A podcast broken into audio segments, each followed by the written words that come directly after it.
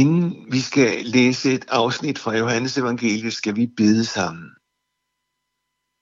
Kære Jesus, vi beder dig om, at du vil åbne dit ord for os. Vi beder dig også om, at du vil hjælpe os med at afdække vores Guds relation. Jesus, du ved, at vi skal læse om mennesker, som i den grad tog fejl af netop deres Guds relation. De gjorde det, fordi de tog fejl i deres relation til dig, Herre Jesus. Hjælp os. Hjælp hver eneste af os, der lytter, til ikke at gå fejl af dig og det, du siger, og det, du vil os. Amen. Om lidt skal vi læse fra Johannes Evangelies 8. kapitel fra vers 42 til 51. Der taler Jesus om at have Gud som far, eller have djævlen som far. Jesus siger, hvilket jeg er fuldstændig overbevist om er sandt, at vores forhold til Gud, det afhænger af vores forhold til ham, til Jesus Kristus. Og vi har fat i den gamle og helt grundlæggende problemstilling, nemlig menneskets Guds relation.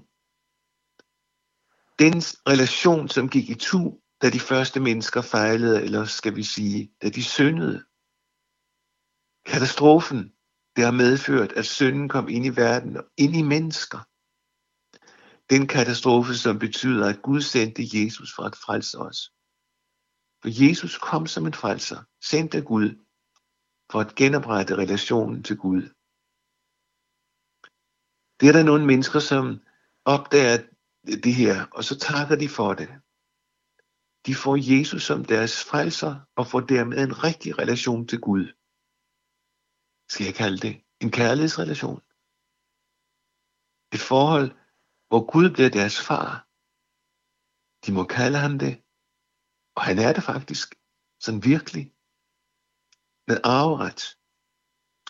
Gud vil give sine børn arvingerne evigt liv sammen med ham, hvor alt er godt, og hvor synden og syndens ødelæggelse ikke er mere. Så er der andre, som godt kan se, at de må have en Guds relation, og de skal have det, den sag afklaret. Og de mener, at de har en god Guds relation.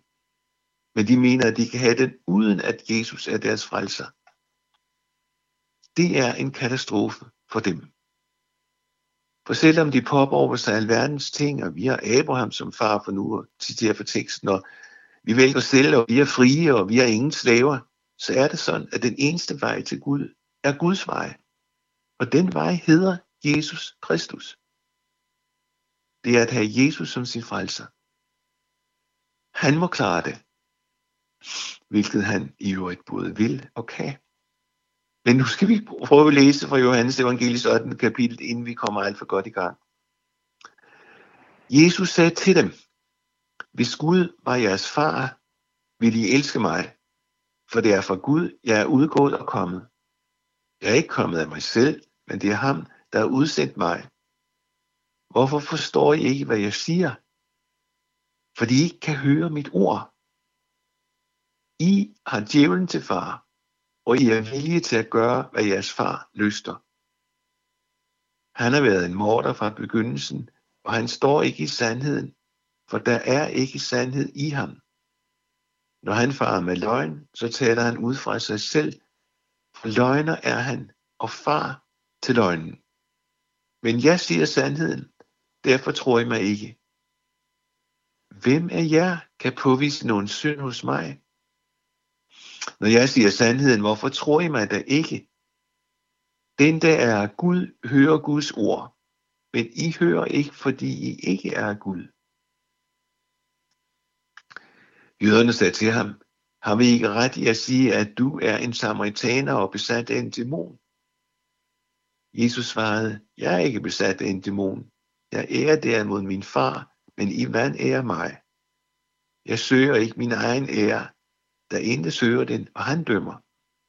Sandelig, sandelig siger jeg jer, den der holder fast ved mit ord, skal aldrig i evighed se døden. Da sagde jøderne til ham, nu ved vi, at du er besat af en dæmon, for Abraham døde, og profeterne døde, og så siger du, den der holder fast ved mit ord, skal aldrig i evighed smage døden. Amen. Med de vers, vi læste, dumper vi ned i en voldsom og ophedet diskussion mellem Jesus og jøderne, står der.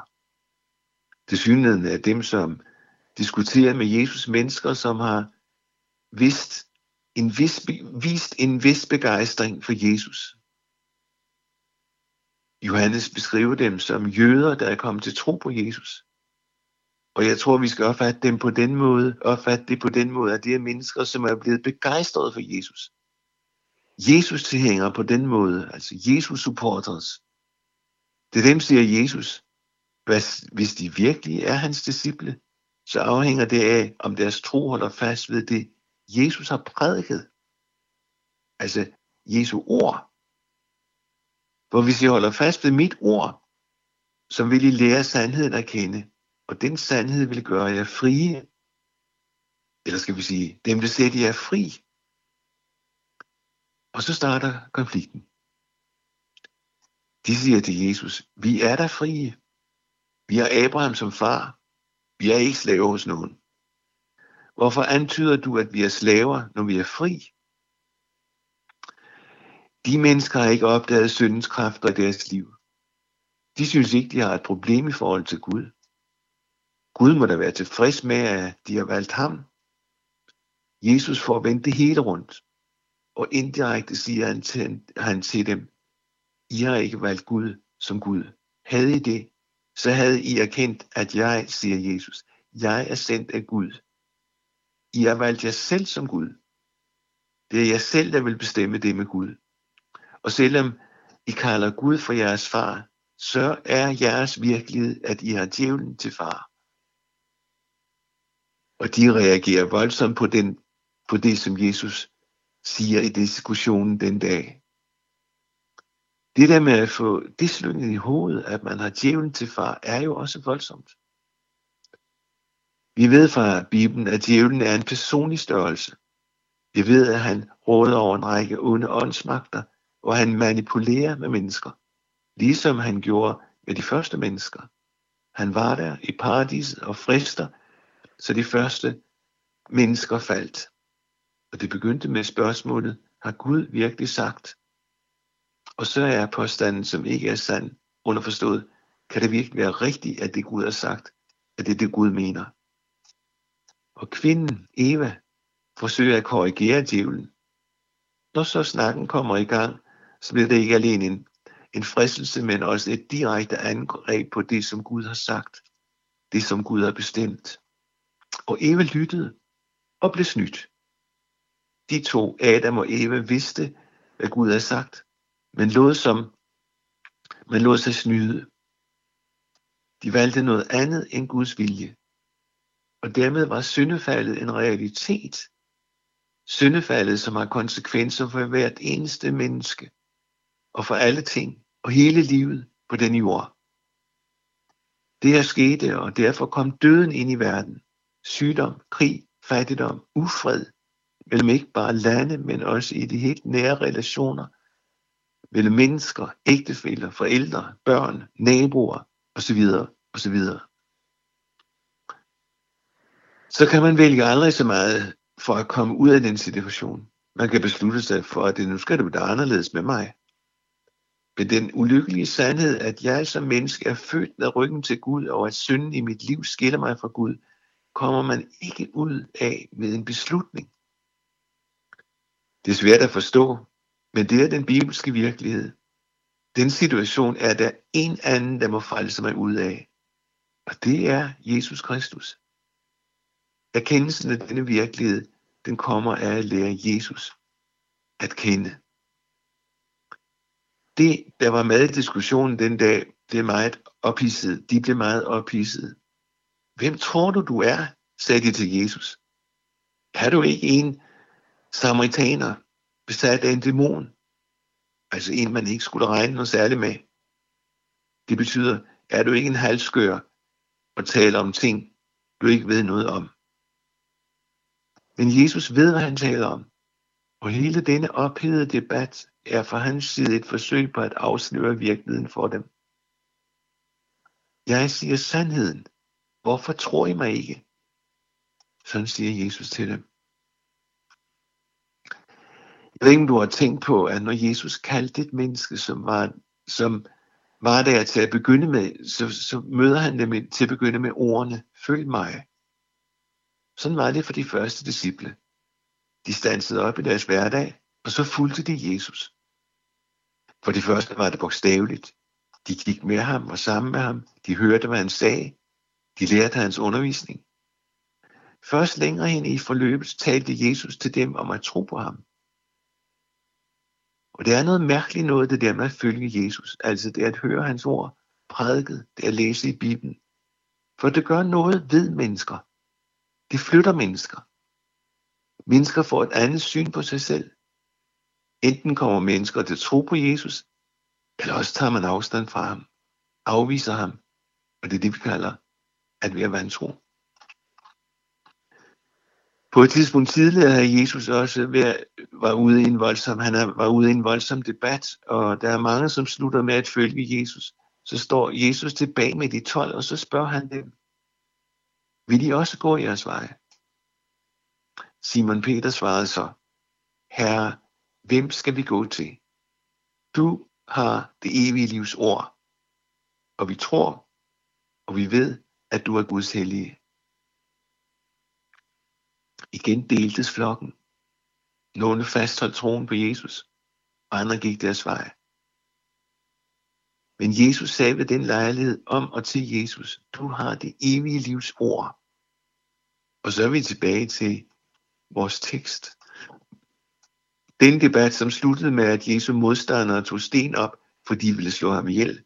Og sådan endte det den dag, og så går Jesus sin vej. Forsvinder for dem, og går fra tempelpladsen, der hvor debatten har været.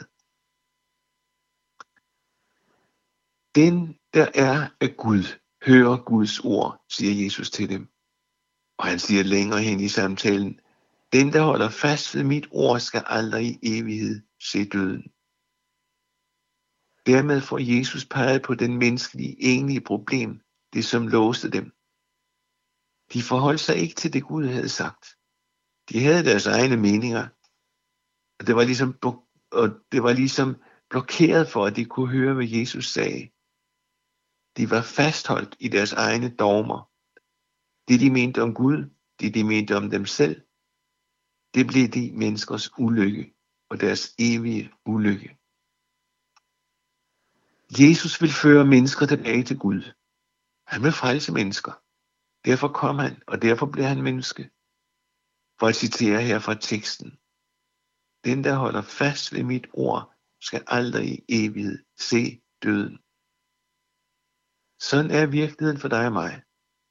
Og det vi møder i de vers, som vi har set på denne dag, det er, at Jesus, det er Jesu udrakte hånd. Ikke alene ind i vores tanker, men helt ind i vores liv. Ja, helt ind i dit liv. Fordi han vil frelse dig. Han ønsker at være sammen med dig hos Gud i evighed, hvor alt er godt.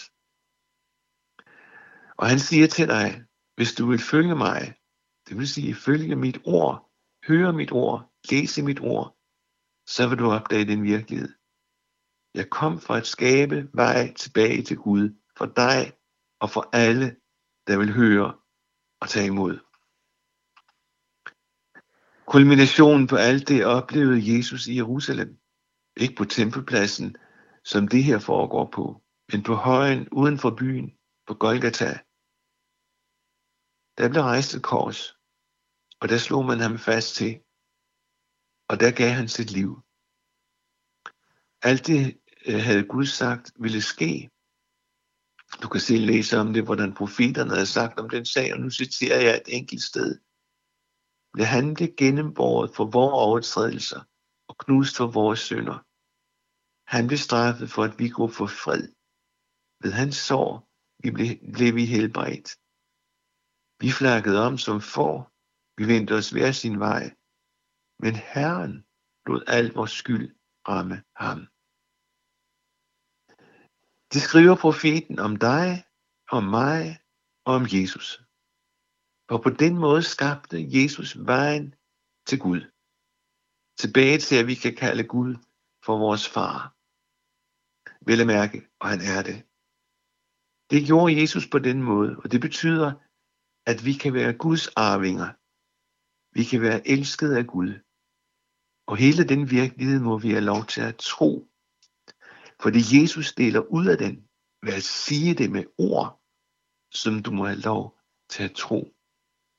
Amen.